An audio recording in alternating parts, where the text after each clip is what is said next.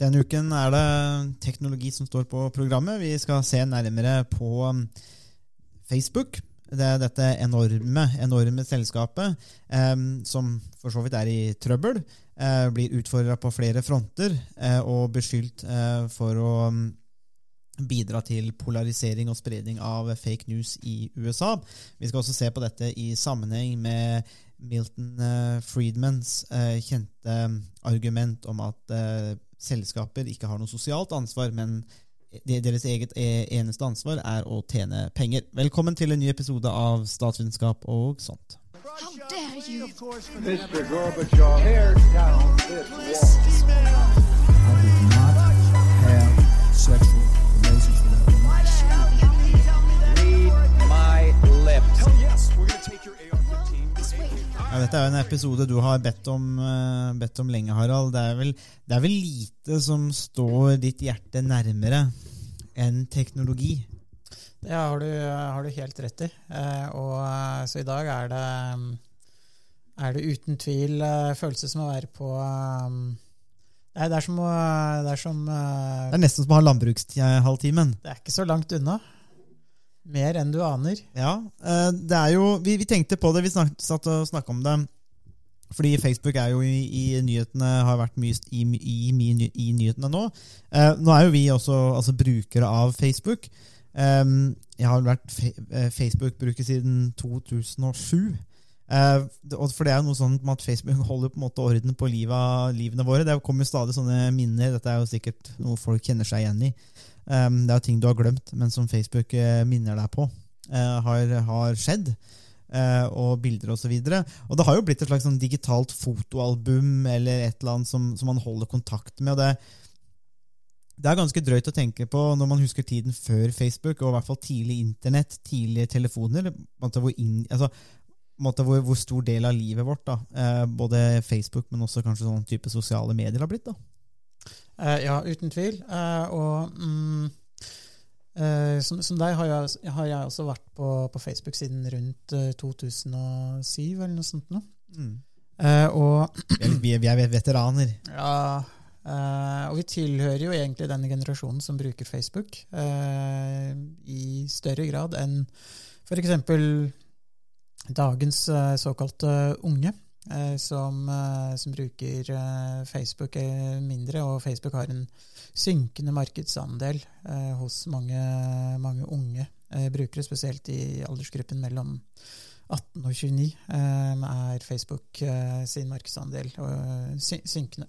Ja, for det er, jo, det er jo litt artig å tenke litt tilbake på. Jeg husker jo da Facebook kom, Uh, og, og, det var sånn ja, Skal man bruke det, eller skal man ikke bruke det? Og så, og så var det jo en slags, uh, sånn, slik navnet tilsier, egentlig, en slags Facebook. Og jeg husker de, den første utgaven var, var, i hvert fall veldig klar på at den var litt sånn som sånn, amerikansk uh, en sånn high, high, school yearbook, det, der du hadde på en måte bilder av alle, og så var det sånn hvor du hadde gått på skole, og interaksjoner mellom de eller venner og sånn. Og det var på en måte en sånn digit, digital versjon da, av disse, av, av, disse bøkene. og det det fungerte jo på en måte på den måten òg. Eh, men så har du bare Sammen med internett, sammen med den teknologiske utviklingen, så har det bare ekspandert, blitt mye større, blitt annerledes. Eh, det var jo en del år Altså, herregud, og mye sånn der eh, Candy Crush eller sånn Farming, var det ikke det? De der med sånne der bondespill og skulle lage bygge gårder, og du blei jo bombardert med de tinga der. Eh, og, det, og, det, var jo kanskje på den sånn tida der, kanskje for ti år siden òg, at eh, Facebook også kanskje fant ut at eh, det var virkelig var mye penger å tjene på denne interaksjonen som foregår på plattformen. Det å ha folk inne på plattformen så mye som mulig, så lenge som mulig. Få de til å drive med type spill, eller eh, at man har interaksjon med likes, eh, kommentarer osv. Dette trekker også da eh, til seg eh, annonseinntekter. Eh, og det er jo det man selger på Facebook òg. Og det er, jo liksom, det er jo egentlig noe halvveis perverst over det, egentlig, når man tenker litt på at eh, i Facebook så er man jo, er man jo Man bruker jo Facebook, men det er jo gratis, og da er man jo på en måte kunde, eller produkt òg, da. Eh, som Facebook selger. Men det er litt sånn artig å tenke tilbake til egentlig hvordan det var, for det var litt mer sånn uskyldig utgave, følte jeg, for en god del år siden, og så har det måtte blitt noe helt noe annet.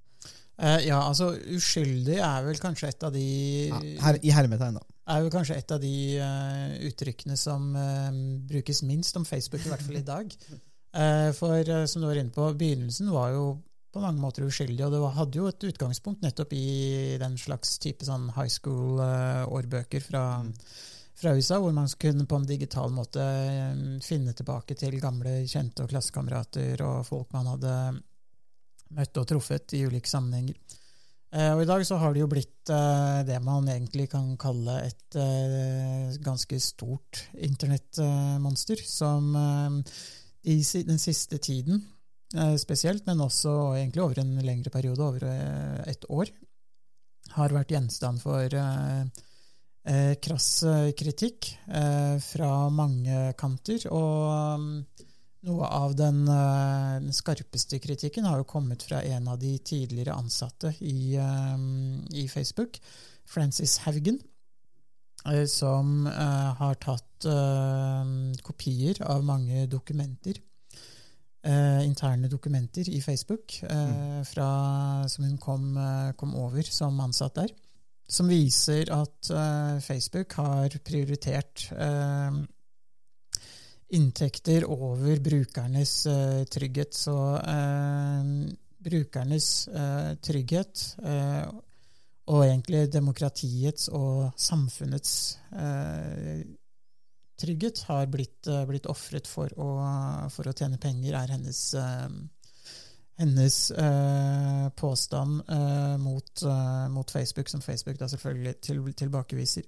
Mm. Det er jo, når man ser på disse hun starta med å lekke disse papirene til uh, Wall Street Journal og uh, seinere til andre medier uh, som har gått over disse, over, over disse dokumentene. og Da ser man jo i de interne dokumentene at det er mye intern forskning innad i Facebook som på, mange måter da motbeviser eller, og, og, ikke er enig med det Mark Zuckerberg da sier utad til um, til mediene, og også i disse kongresshøringene, hvor han har, eh, hvor han har altså on the record sagt at eh, eh, Facebook tar ned 94% av hatefulle ytringer, mens interne vurderingene viste at det lå et sted mellom 3 og 5 eh, Så man har, man, har man på en måte eh, endra en del på disse tallene. Man har også sagt at Facebook ikke eh, ikke bidrar til hat og polarisering og, og slår ned disse, disse, tingene, mens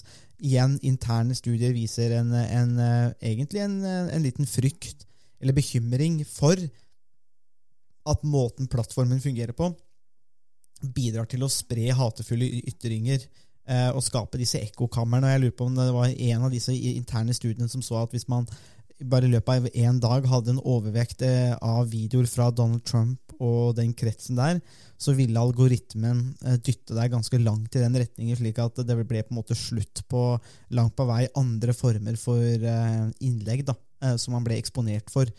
Så det dytta en ganske sånn solid retning. og dette har man jo da, Facebook vil jo si at de ikke har gjort det, og så har man disse interne dokumentene som, som sier noe annet. da.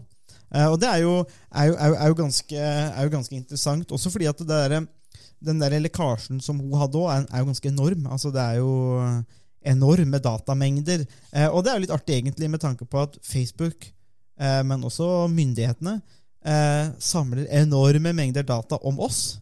For, for, litt ulike formål.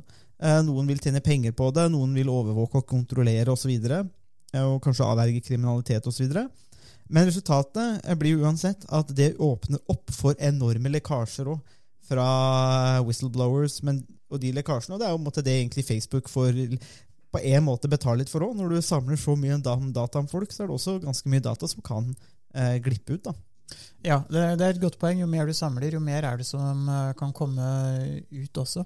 Mm. Uh, og det, det, som er interessant med Facebook, er jo at det, det som er produktet til Facebook, er jo nettopp uh, all informasjonen de har om, uh, om brukerne, som de kan bruke til å selge annonser til, til,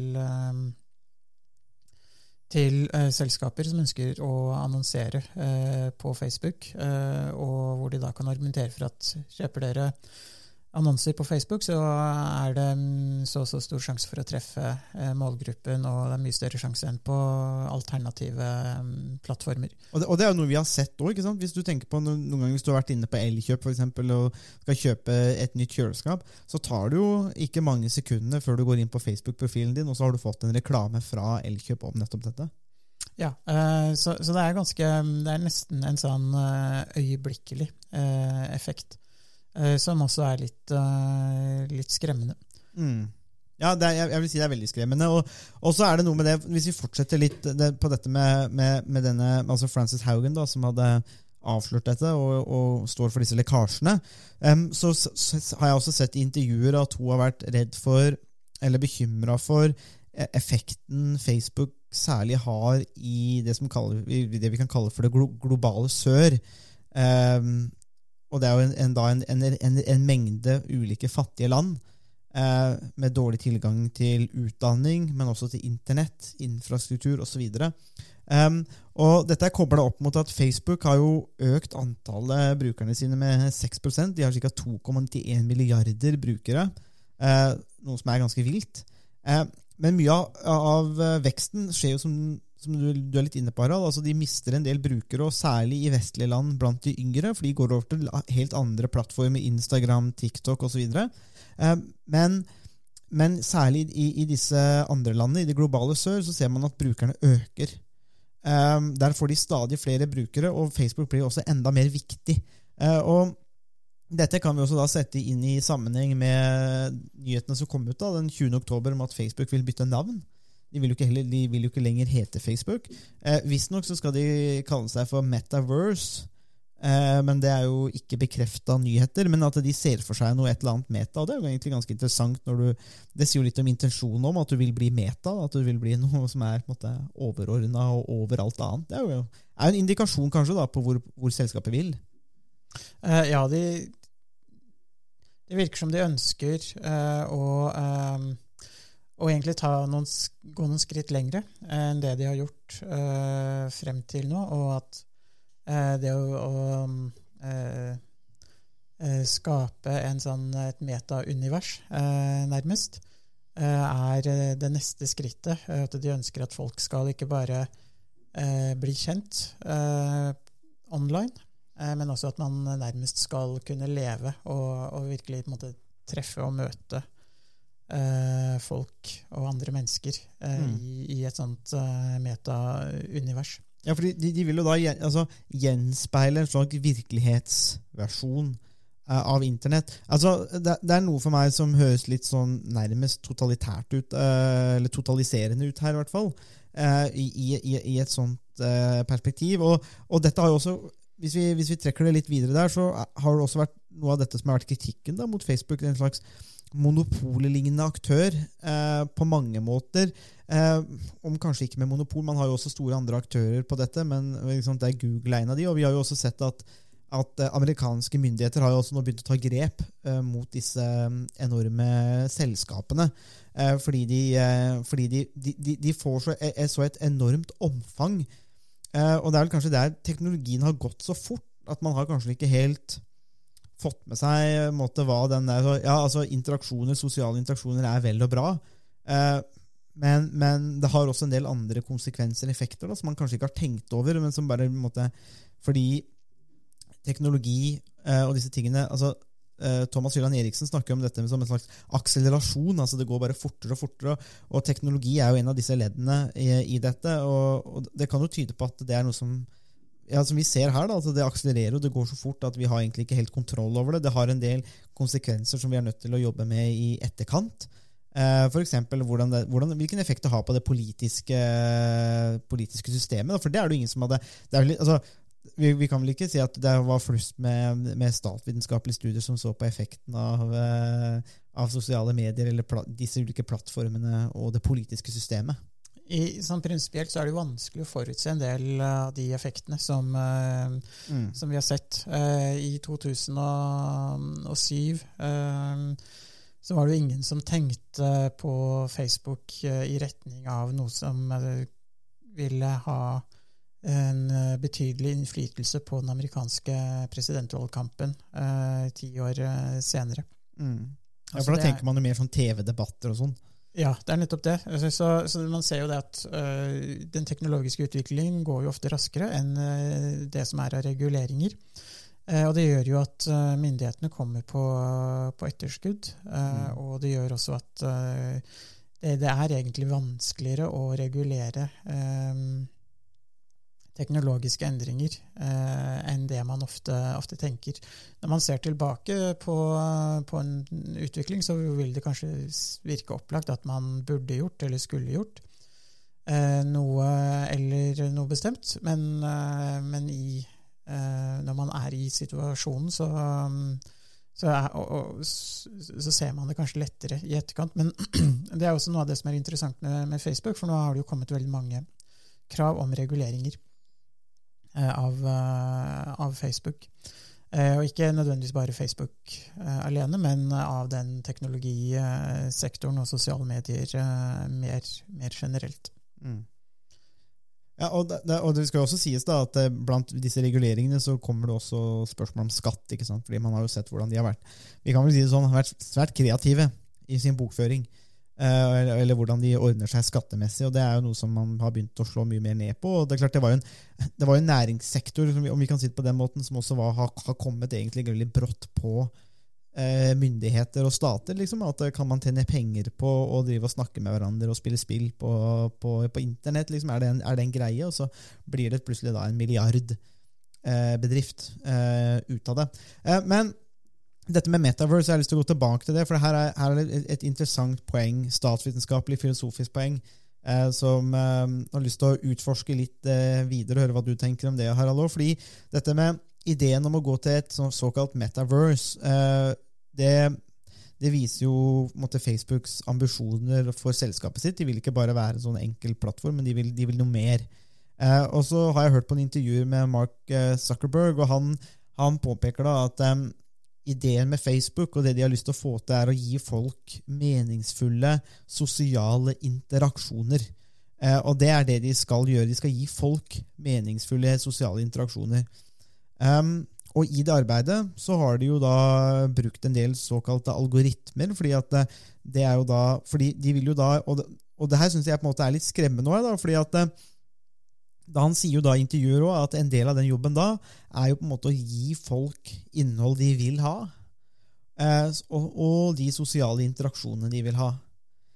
Men da tenker jeg at eh, altså, er, det ikke, er, det ikke, er det ikke et potensielt problem her, eller noen gnisninger eller spenninger, eh, når et privat selskap også på en måte tar på seg en slags definisjonsmakt? Eller, eller mulighet til å si ok, dette er, en, dette er en meningsfull eh, sosial relasjon for deg innafor vår plattform, eh, og vi har algoritmer som på en måte gir deg nyheter eller videoer eller forslag til grupper eh, osv. basert på det du har søkt på. Og det er jo en er jo en, altså, Jeg skjønner jo den der ideen med at man, man skreddersyr opplevelsen på plattformen. Men, men, men samtidig kan ikke det også bli en slags form for manipulering? Um, og det er vel det jeg har opplevd at Francis Haugen har da, uh, pekt på, er det at det, det man da har gjort, er at fordi at mye av disse, særlig disse falske nyhetene eller polariserende debattene og videoene har gitt mange eh, liker, klikk eller interaksjoner, kommentarer, eh, som da gjør at folk er mer på Facebook. Det betyr at de kan selge flere annonser og dermed tjene mer penger. og Det har jo måtte, vært hennes, en av hennes hovedpoenger. at har, Facebook har sett gjennom fingrene med dette, fordi de har, de har tjent penger på det, selv om de vet at det er hatefulle ytringer og fake news osv. Så, videre, så tjener de gode penger, for det gjør at folk blir værende på, de blir værende på plattformen. eh, Og mer bruk er mer eh, meaningful eh, social interaction, MSI. Og så får får de mer penger, og det er god business for Facebook. Og jeg, jeg, jeg er litt sånn jeg, jeg, vet ikke, ikke helt hvor jeg vil med det, men det er et eller annet som, jeg, som, som på en måte litt sånn reflekser meg når på en måte de skal styre eller vil påvirke hva meningsfulle sosiale interaksjoner er. Og de bruker algoritmer og disse tingene her for å styre det. Og så har man jo akkurat dette andre i det momentet. Så har man sett at algoritmene de sliter jo litt. Fordi man skaper ekkokammer osv. Ok, da må de inn og sensurere og eventuelt si hva er det som er bra for deg, eller ikke. Og det er jo det som Trump og andre da var veldig sinna på Facebook for. For da tok man og sa at nei, Trump det var fake news og osv. Og, så videre, og så da tok du og, og, og, på en måte blokkerte ut en demokratisk valgt president, som da ikke kunne nå ut til sine personer, f.eks. Eller andre nyheter. Og da sitter det noen personer og sier hva er det som er bra for deg, og på mange måter definere en sosial interaksjon.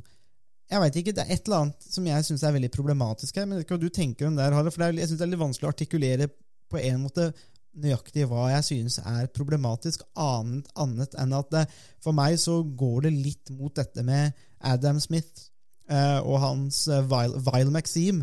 Altså når rike folk kommer sammen, eller de enkelte sånn rike, få, mektige mennesker kommer sammen, så konspirerer de mot allmennheten. Eh, og det er noe i, i, meg der som tenker at kanskje Facebook konspirerer mot allmennheten, men det er mulig jeg er litt eh, krass i den tanken, men uh, du skjønner på en måte kanskje hvor jeg vil? Uh, ja. Nei, altså, jeg, jeg, tror ikke du er krass uh, hvis du sier at Facebook er en organisasjon som konspirerer mot, mot, allmennheten. Det tenker jeg de har vist ganske tydelig. Og hvis de dokumentene som Francis Haugen har publisert, hvis, hvis, hvis, det stemmer det som, som de skal inneholde, Eh, så tenker jeg det er ganske tydelig at, de, at, at Facebook eh, setter eh, selskapets eh, profitt eh, foran eh, samfunnet og foran, foran brukerne.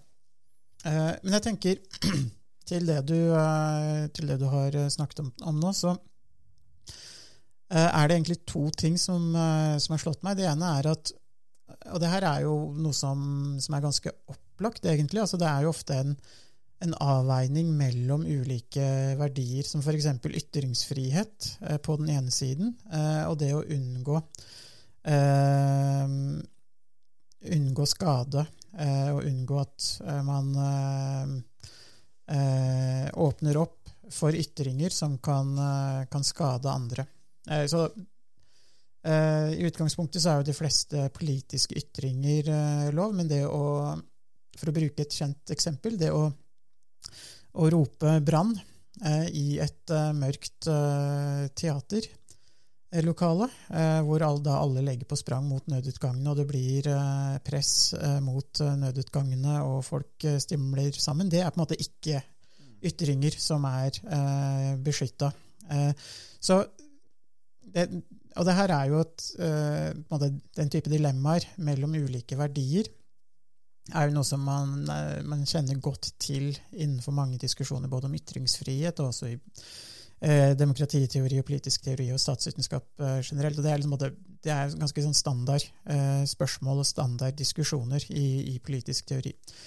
Eh, men det som er interessant med Facebook, er jo at det, de har liksom lagd en forretningside som egentlig går liksom midt i kjernen av de av, avveiningene mellom ulike ulike verdier.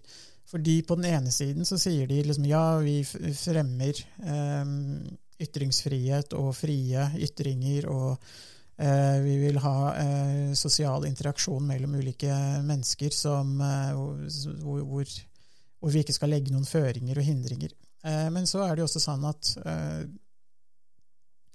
de samtidig fremmer ytringer som potensielt sett kan eh, føre til, eh, til, skade både på individer og samfunnet.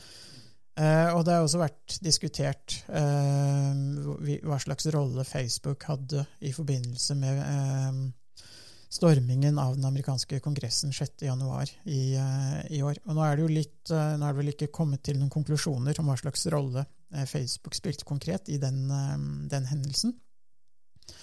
Eh, men, men, det har jo eh, vært, eh, kommet frem mye om mange av de gruppene som organiserte på Facebook og andre sosiale medier i forkant og under og i etterkant av, av den hendelsen. Og mange, mange, av de som deltok i stormingen, de, de streama jo eh, hendelsen direkte. Og mye av den informasjonen vi fikk gjennom, eh, gjennom medier og fjernsyn, kom jo fra journalister som da fulgte uh, noen av de, de streamingene som, uh, som, ble, som, gikk live uh, under, under, stormingen. Så Det som er veldig spesielt med, med Facebook, og som skiller dem fra som kanskje gjør at de, de, skiller seg både fra andre sosiale medier, men også setter de som selskap i en særstilling, er nettopp det at de, de har som en forretningsidé. Hele konseptet eh, går ut på å utfordre eh, og operere måte i, midt i det dilemmaet mellom ulike eh, verdier. For både det å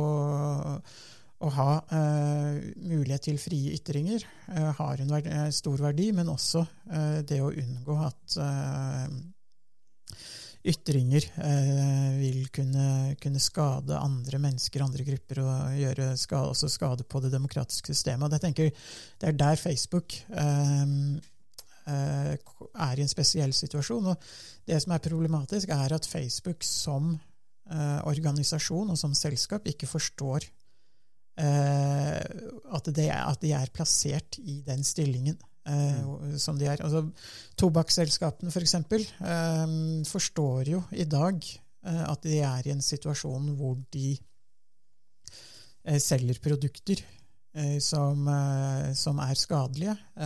og har relativt stor forståelse for at myndighetene regulerer eh, salg av tobakksprodukter. Og Det samme gjelder jo også bryggerier og de mm. som eh, produserer alkohol. Mm. Eh, men, men, Facebook er overhodet ikke bevisst den situasjonen og posisjonen de, eh, de har, eh, både som selskap, men også som samfunnsaktør. og det, jeg tenker det er det som er, eh, er det problematiske her. Mm, ja, og det, bare for, å, bare for, å, bygge videre på det du sa nå, for det var, det var nettopp dette her som på en måte leda opp til den der Cambridge Analytica-skandalen um, ja, i 2016-2017. Uh, og Det kom der, og det ligger jo en, en, en, flott dokumentar ute på Netflix om det, The Great Hack, som jeg anbefaler alle å se. Og, og, og der var jo nettopp poenget det at uh, man lagde disse for personlighetstestene som folk drev og, og kryssa ut på Facebook for å finne ut hvilken personlighet du var. Uh, men i det så, så, så, fant man ut at man kunne ha lage disse testene, og så kunne men idet du aksepterte den, så, så, ga du på en måte fra deg personinformasjonen din.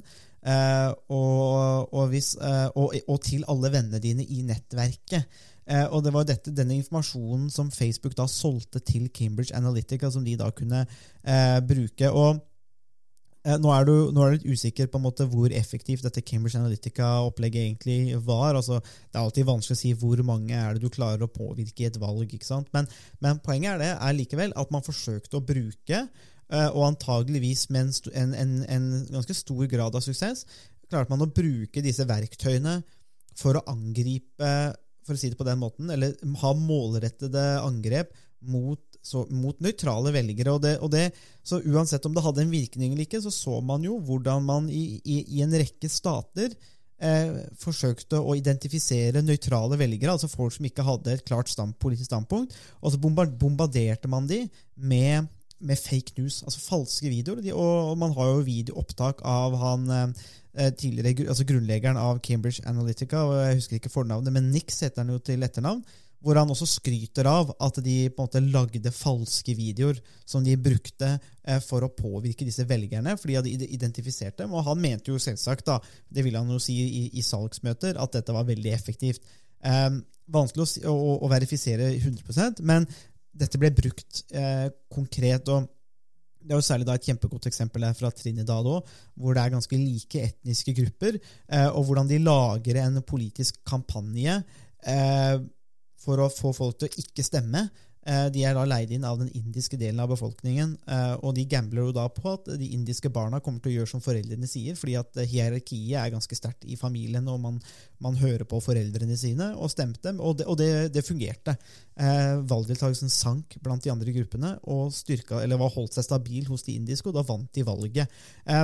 Og dette ble da muliggjort med data fra Facebook, og det var hele poenget. Og så kan jo da Facebook sitte og si, og det er jo det du er inne på, Harald, at det, den rollen er ikke bevisst. De har vel kanskje ikke tenkt at det er på en måte det de driver med, men de har vært veldig happy med å selge den informasjonen.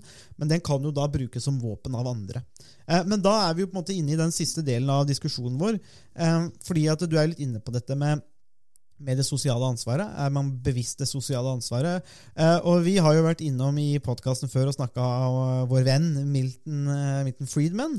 Eh, og en, en, altså en, en innflytelsesrik eh, økonom eh, på 1900-tallet. Kanskje en av de med, med størst arv på mange måter. Eh, både, på, på, både godt og vondt så er det udiskutabelt. Eh, vi har jo diskutert hans eh, eh, Friedman-doktrine, som han så, så, ydmykt kalte det sjøl i en artikkel i New York Times i 1970. men i kjerneideen til Milton Friedman, argumentet er veldig interessant. og det, det går jo nettopp på dette om at, at det eneste, eller det han sier, da, at det sosiale ansvaret for bedrifter, det er å øke sin profitt. De har ikke noen andre former for sosialt ansvar. Enkeltpersoner i en bedrift kan ha et sosialt ansvar um, som de tar på seg i sin fritid og med egne penger og med egne kostnader. Men selskapene har ikke et sosialt ansvar. Så personer har sosialt ansvar, selskaper har ikke det.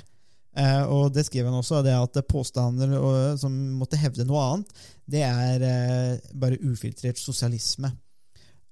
Og det er jo spørsmålet da, som vi kan diskutere her. ikke sant? Har Facebook et sosialt ansvar utover det å tjene penger for Mark Zuckerberg? Det er på en måte det de skal. Og, og aksjonærene, og selvsagt de som kjøper aksjer. Vi var vel inne og så på aksjene her i dag tidlig, var vi ikke det, Harald? Var, det er jo fortsatt en solid aksjepris. Var det noen 2000 dollar, eller?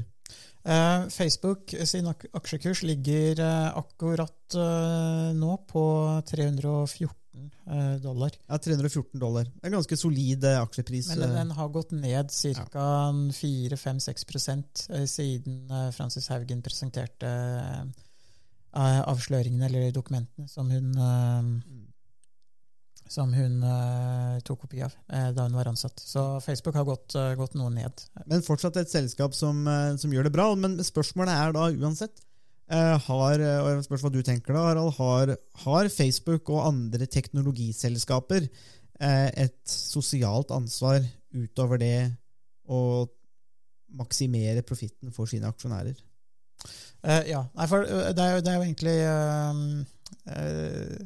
Kanskje, kanskje flere underspørsmål her også, eh, kunne, som, man kunne, som, man må besvare for å kunne, kunne svare ja eller nei på, på, spørsmålet du stiller. Og sånn Prinsipielt så kan man jo si at eh, bedriftenes og selskapenes eh, rolle er jo utgangspunktet eh, å produsere et produkt eh, som, eh, som de skal selge. Eh, og I utgangspunktet så er det jo også legitimt om de tjener penger, eller at de tjener penger på, på å selge det produktet. Eh, og en må jo også uh, legge til at når, for Friedman sin del da, så, så, hadde jo han også en, en, oppfatning om en arbeidsdeling mellom politikerne uh, og uh, de som, som drev selskaper eh, hvor politikerne skulle regulere, og så skulle selskapene da drive med produksjon og, og salg.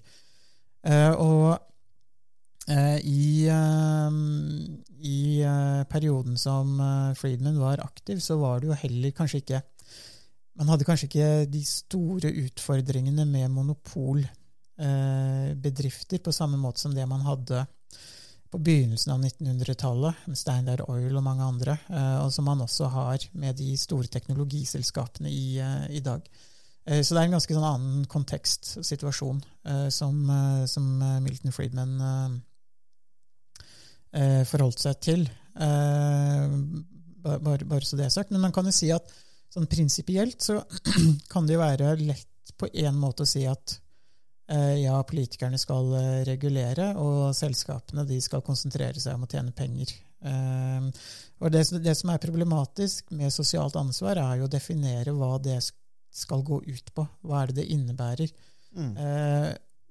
Og det vil antagelig være ganske stor uenighet både blant politikerne, velgerne, og også bedrifts, bedriftslederne og bedriftene hva er det det sosiale ansvaret skal, eh, skal, gå ut på? Eh, handler det om å gi penger til veldedighet? Handler det om å ha produkter som ikke måte, er klimafiendtlige eller helseskadelige, eller fører til ulykker eller skader osv. Man kan jo si at bilindustrien er jo en industri som, er, som både forurenser og som sørger for eller som er ansvarlig for at det skjer dødsulykker på veiene osv. Så, og så, videre. så det er veldig vanskelig å, å formulere hva sosialt ansvar uh, skal være. Så sånn sett så kan man si at det er lett å, å være enig i at uh, ja, bedriftene må konsentrere seg om å tjene penger, og så må politikerne konsentrere seg om å regulere ulike, ulike næringer. Uh, på, I 1970 så var det jo fortsatt sånn at på um, mange programmer på TV så satt jo deltakerne og, og røykte Mm. Uh, under debatter og under uh, ulike programmer. Og, og, det er jo en virkelighet liksom Det illustrerer jo kanskje den forskjellige virkeligheten uh, som Friedman forholdt seg til, og den virkeligheten vi forholder oss til, til i dag. Det er ikke helt sammenlignbart. så, og når man ser på eksempelet Facebook, så er det veldig vanskelig å være, måte, stå for det prinsippet om at politikerne skal skal regulere, og eh, bedriftene skal eh, tjene penger. Eh, og Det handler jo også om den store innflytelsen som, sto, som lobbyorganisasjoner og store selskaper som, som Facebook spiller i politikken også. Mm. Så sånn sett, så I praksis så er det kanskje vanskeligere å liksom si klart at ja, vi går for for prinsippet eh, om, å, om, å, opprettholde det tydelige skillet mellom, eh, mellom politikk eh, og økonomi. Eh, så eh, Men samtidig så, så, er det også vanskelig eh, å si, peke på så hva er det Facebook skulle gjøre annerledes. Man kan mm. si at ja, de burde unngå og de, de, burde unngå å selge data til den type organisasjoner som Cambridge Analytica eller uh, og eh, Eller at algoritmene ikke skal henvise til ulike former for ulike sider som handler om om hate speech og andre former for ytringer som kan være i strid med, med ytringsfriheten osv. Uh, og det som er problematisk, er jo å overlate den type beslutninger og myndighet til et privat selskap. Mm. Uh, fordi et privat selskap har ikke uh, de, har ikke samme krav til gjennomsiktighet og noe av informasjonen kan også være Eh, sensitiv i forhold til konkurrenter og rent, rent økonomisk. Mm. Så spørsmålet er litt hvordan man, man, skal løse det her i praksis, hvis man sier at Facebook har et, et samfunns- eh, eller sosialt ansvar. Så veldig mange er jo enig i at Facebook sin atferd og opptreden har vært kritikkverdig. Men samtidig så er det vanskelig å peke på hvordan er det man skal, skal løse problemet. Det er jo det er jo der man kommer litt inn på det som vi var inne på innledningsvis også, at teknologien utvikler seg raskere enn reguleringen, og politikerne klarer å, å følge med. Mm.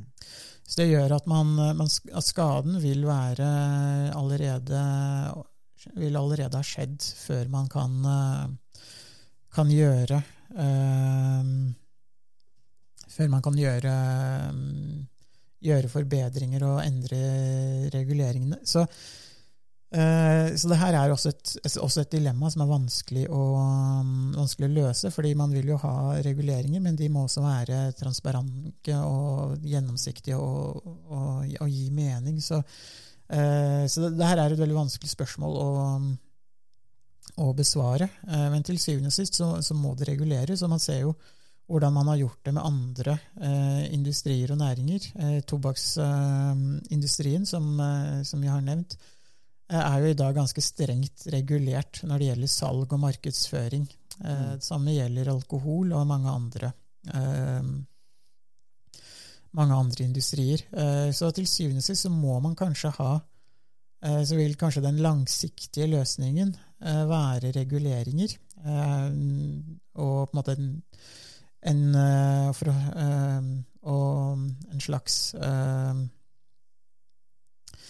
en, en, slags tilhørighet til prinsippet til, til Friedman om å la politikerne regulere og bedriftene tjene penger, men samtidig på kort sikt så er det lite tilfredsstillende, og man må finne noen, noen løsninger. og den den, det man får nå med mange eh, whistleblowers som, eh, som har eh,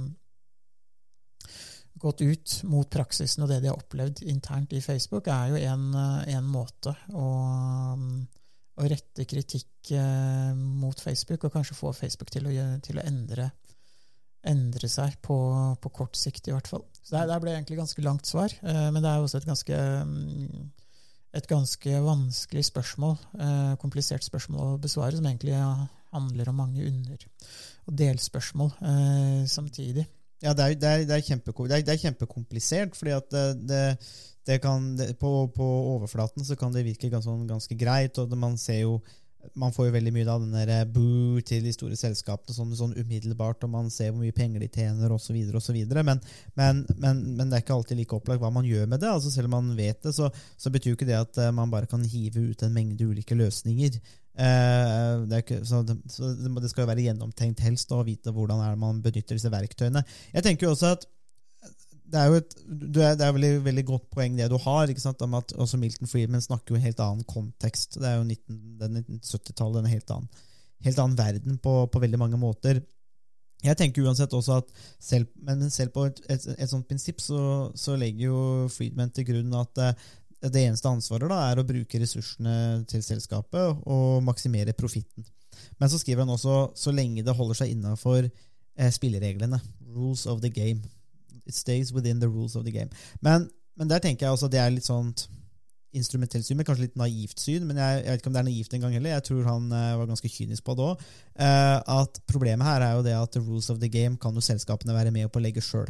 Eh, via lobbyisme osv. Så, uh, så hvis det var sånn at selskapene bare opererte innafor de reglene som ble satt av politikerne, så hadde jeg jo vært enig. Eh, men jeg mener vi var inne på det her i forrige podkast om Milton Friedman òg. Forskjellen er bare det at selskapet sitter jo ikke stille i båten og venter på reguleringer fra de allmektige politikerne. De forsøker jo å påvirke dette sjøl. Og det har man, jo, har man jo da sett sant, i USA, og det er jo kanskje noe som man har erga mange på ulike eh, politiske altså Mange politikere eh, i fløyene i både republikanerne og demokratene, de ser jo på en måte hvordan millioner av dollar blir brukt eh, av disse selskapene for å påvirke regelverk eh, slik at det gagner dem. da. Um, slik at um, Dermed så, så, er jo spørsmålet om det er helt at det er mulig å opprettholde Friedman-doktrinen, eller om den kanskje faller sammen uansett, fordi at det er ikke vanntette skott mellom dette. Jeg er usikker på om det burde være vant etter skott heller. Altså, Hvorfor bør ikke de som Eh, er entreprenører og, og selskaper, hvorfor skal ikke de ha mulighet til å forsøke å påvirke? Altså Det gir jo mening, på samme måte som fagforeninger forsøker å påvirke lønns- og arbeidsvilkår. og eh, Det blir jo vanskelig å se for seg en situasjon hvor dette skulle være vanntett. Eh, og i hvert fall all den tid selskaper må ut og forsøke å vinne velgere, som de tross alt må gjøre i valg, så må de jo ha en eller annen kontakt med disse.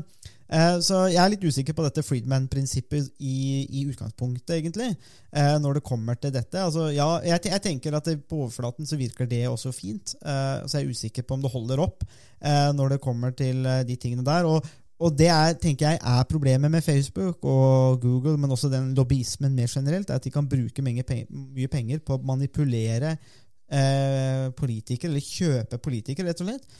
Um, på en måte å få de til å stå for en politikk som gagner dem, da. Um, og som vanlige folk, da, for å bruke en klisjé, ikke har mulighet til på samme måte. Um, og det også vi, men, når vi da fortsetter i denne setningen som Friedman bruker til å oppsummere sin egen artikkel, så skriver han Which is to say engages in open and free competition without deception fraud.